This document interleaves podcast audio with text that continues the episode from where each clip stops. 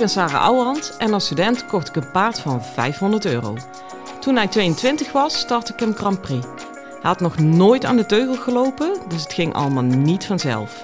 Het enige wat ik zeker wist was: never quit. Ik verslond alles wat ik kon vinden over de biomechanica van ruiter en paard. Dat testte ik net zo lang totdat ik wist wat echt werkte. In deze podcast leer ik jou alles over je rijtechniek, je houding en zit en je mindset. Want ook jij kan naar de Grand Prix gaan, zelfs als je geen miljoenenpaard hebt.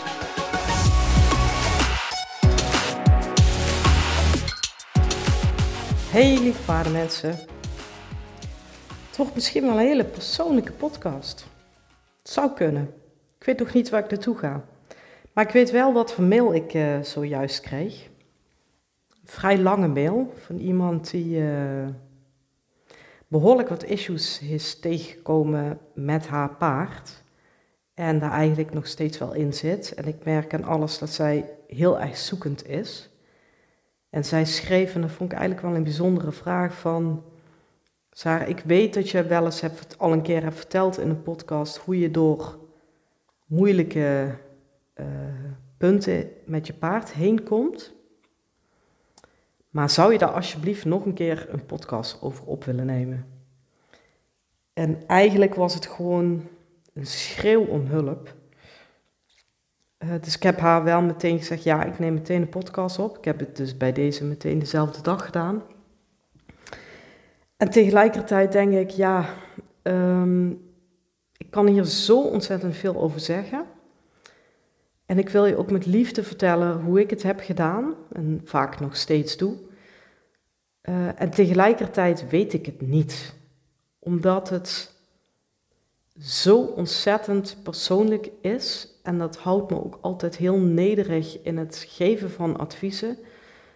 Um, wie ben ik om jou even te vertellen hoe je daar doorheen komt? En natuurlijk heb ik tips en ideeën. Maar de kernvraag op die momenten is: hoe kom je dichter bij jezelf en dus bij je paard?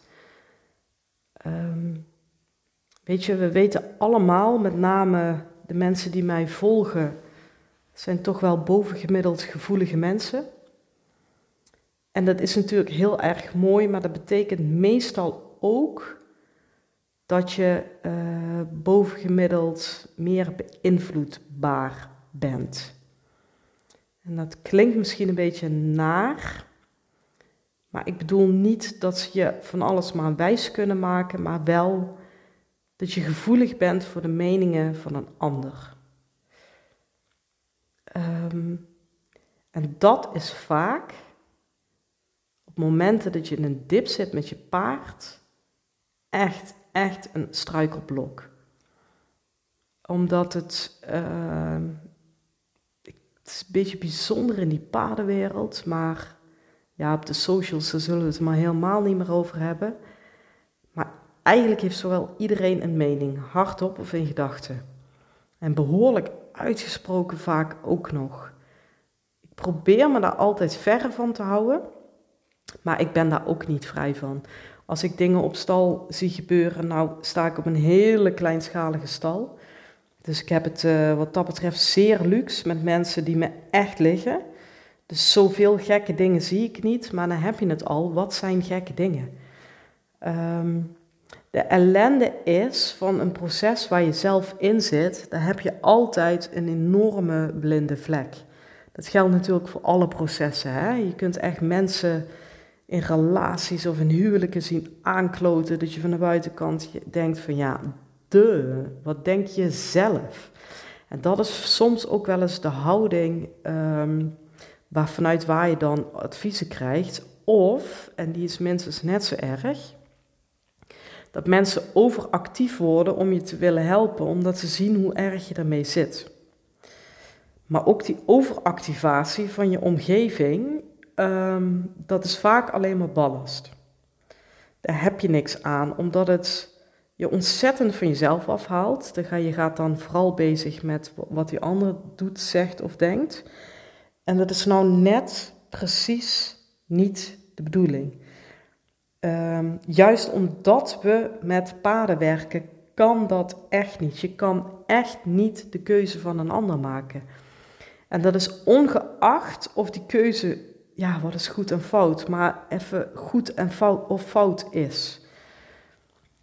Waar het om gaat, is als jij die beslissing van binnen niet voelt, of die koers die je neemt niet voelt van binnenuit, maar doet omdat je hebt bedacht dat dat het beste is, of nog erger, omdat ze zeggen dat dat het beste is, dan gaat het hem never, nooit, niet worden. Gewoon niet. Het is misschien een heel raar vergelijk, maar ik geef ook nog andere consulten en ik had vandaag iemand voor die consulten uh, bij mij in de praktijk en zij uh, heeft een affaire gehad met een getrouwde man.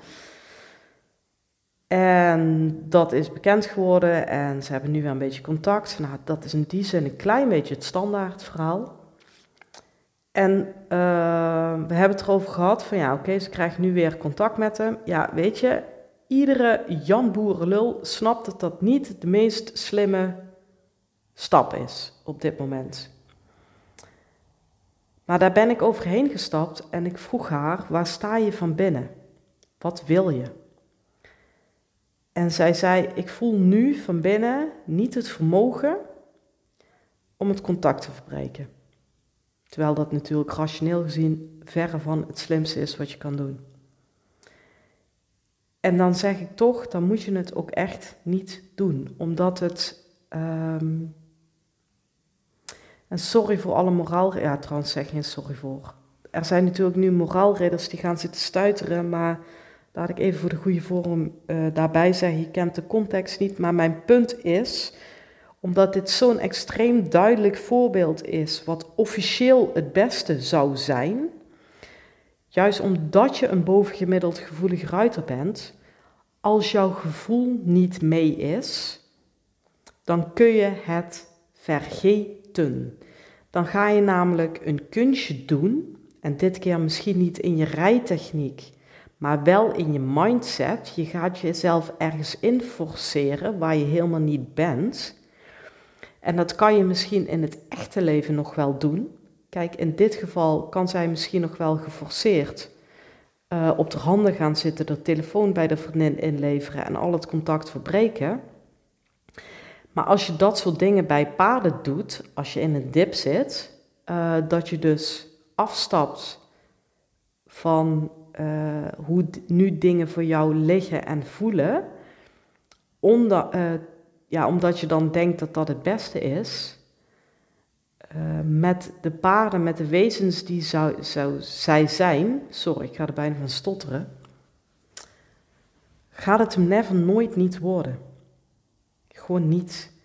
Ik ben ervan overtuigd dat ik in die Grand Prix ben gekomen met die steenkolen pony van me, omdat ik op die momenten heb gevoeld, heb geweten dat dit onze weg was. En geloof mij nou dat er nogal wat mensen zijn geweest, en met name een hele rits juryleden, die hebben gezegd: Jij kan dit niet. En met mijn hoofd denk ik nog steeds: Het bestaat niet dat wij dit kunnen, maar ik voel het iedere dag. Snap je? En dit zijn, zijn grote dingen, uh, maar dit gaat ook over keuzes in voeding, keuzes uh, wel of niet wisselen van instructeur. Voor mijn part, keuze, andere zadel, andere bits, whatsoever. Het moet congruent zijn met waar jij en je paard nu staan. Um, ik heb zelfs, en deze is heel tricky, maar je moet echt heel goed luisteren naar hoe ik het zeg. Um, de slof, daar gaat het over. Daarom begin ik bijna over mijn eigen tong te breken, want ik denk, daar gaan we. Ik ben absoluut zwaar overtuigd geen voorstander van de slof. Ik ben er niet op tegen, want dat vind ik al te veel. Maar ik heb zelf nog geen één keer een situatie meegemaakt waarin ik dacht, hang de slof er maar aan. Maar ik heb één iemand gehad, die was zo ontzettend doodsbang op dat paard. En die reed met slof. En die kwam ook op slof binnen. En natuurlijk noteer ik dat en heb ik het daarover. Het is echt niet zo dat ik denk, angst is vrijbrief. Uh, maar ik ben het gesprek met haar aangegaan. Ik zeg, ja, luister, officieel, uh, die slof, ja, ja, ja, ja. Uh, en je bent ook nog bang, dus je hebt best wel druk op je hand. Dus dat paard liep gewoon echt serieus kort in de hals. Het is echt niet iets wat ik graag op, op beeld had gehad, maar het is wel hoe het op dat moment was. Ik had op dat moment wel tegen haar als instructrice kunnen zeggen, en ook vanuit mijn eigen overtuiging, die slof moet eraf of los of whatever. Maar ik ben met haar het gesprek aangegaan.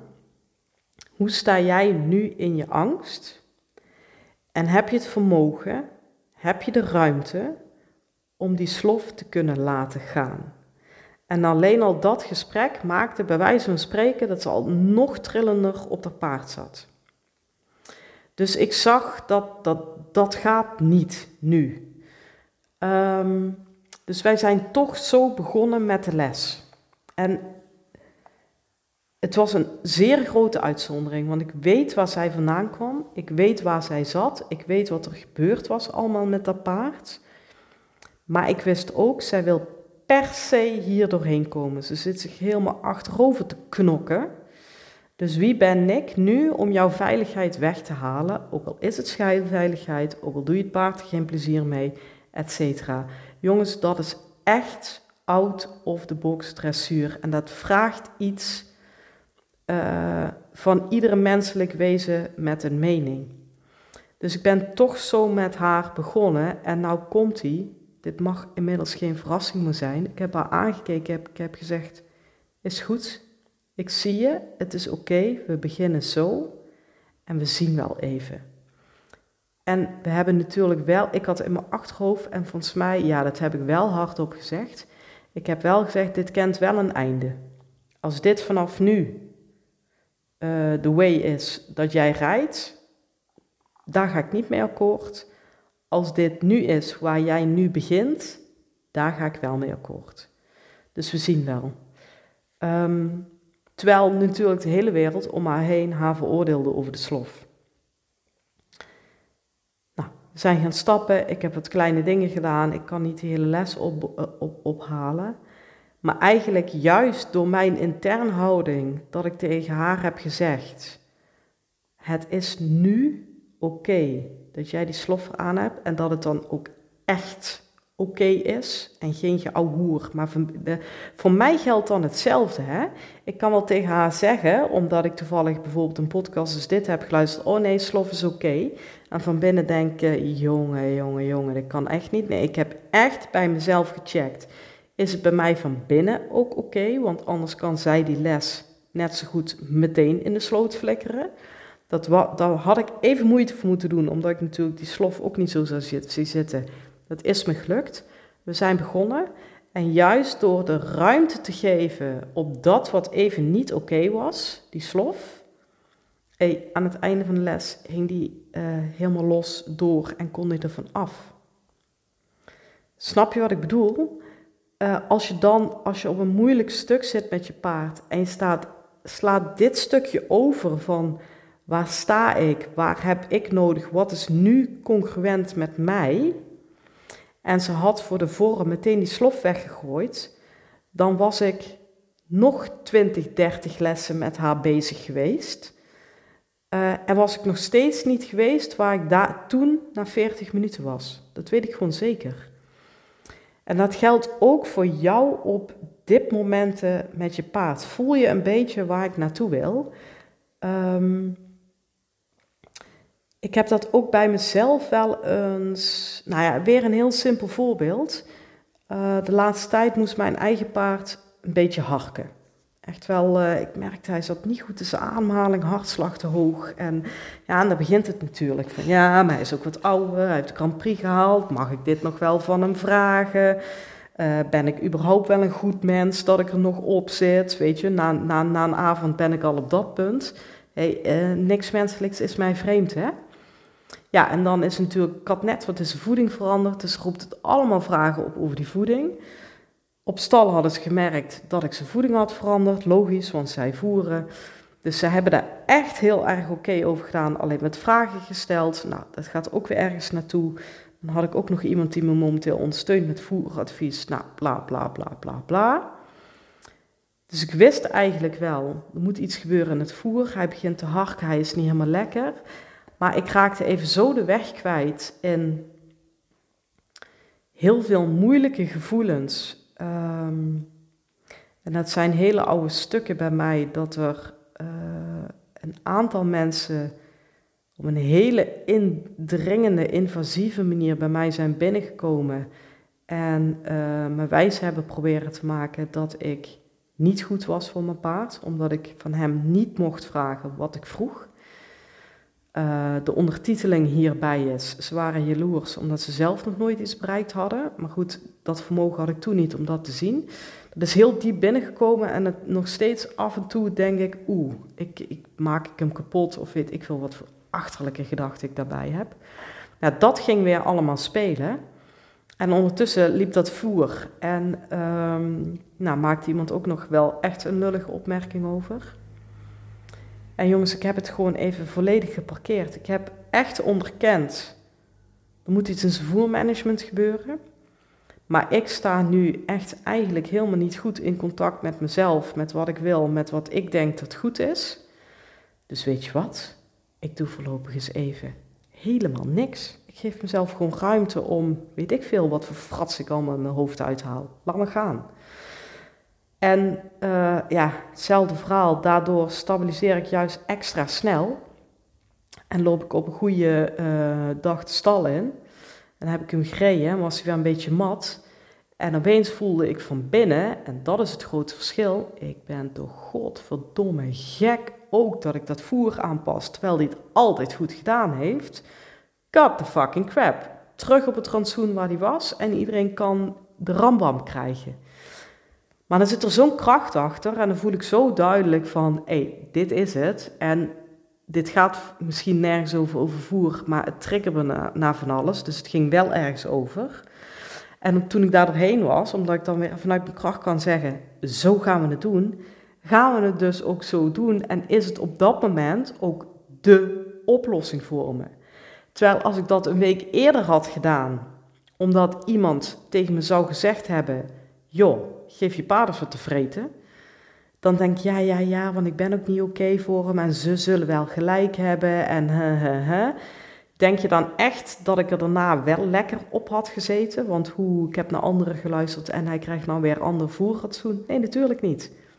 Hij krijgt nou weer gewoon het eten waar ik achter sta, waar ik van weet, zo klopt het. Dus stap ik daarna ook vol overtuigd op van, maat, als je vandaag niet in orde bent, dan ben je het morgen wel en anders overmorgen. We komen eraan en we gaan gewoon weer lekker rijden. En dan stap ik al vanuit zo'n andere energie op. Nou, je snapt hoe mijn rit was, hè?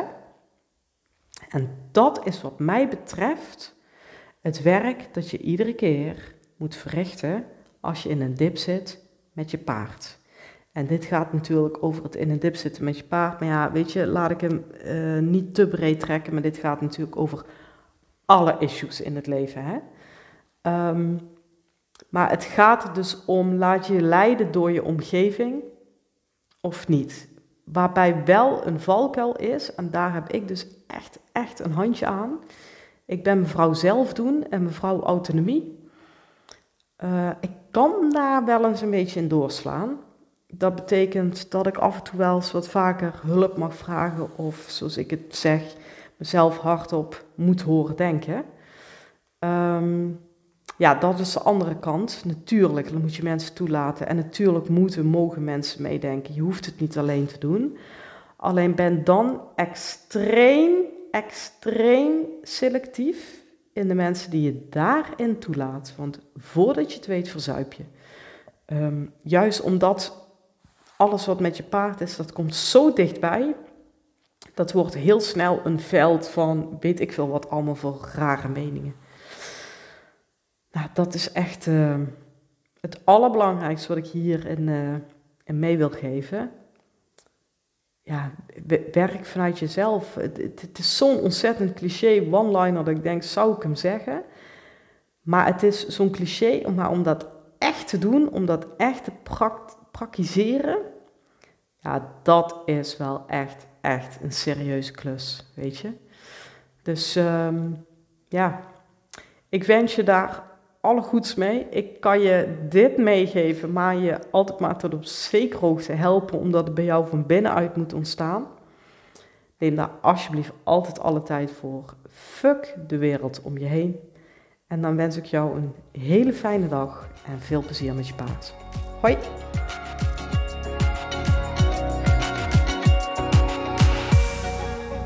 Lieve ruiters, dit was hem weer voor vandaag. Waardeer je mijn tips? Geef me sterren op Spotify en iTunes. Dat voelt voor mij als een dankjewel. En geef je paard een knuffel van me.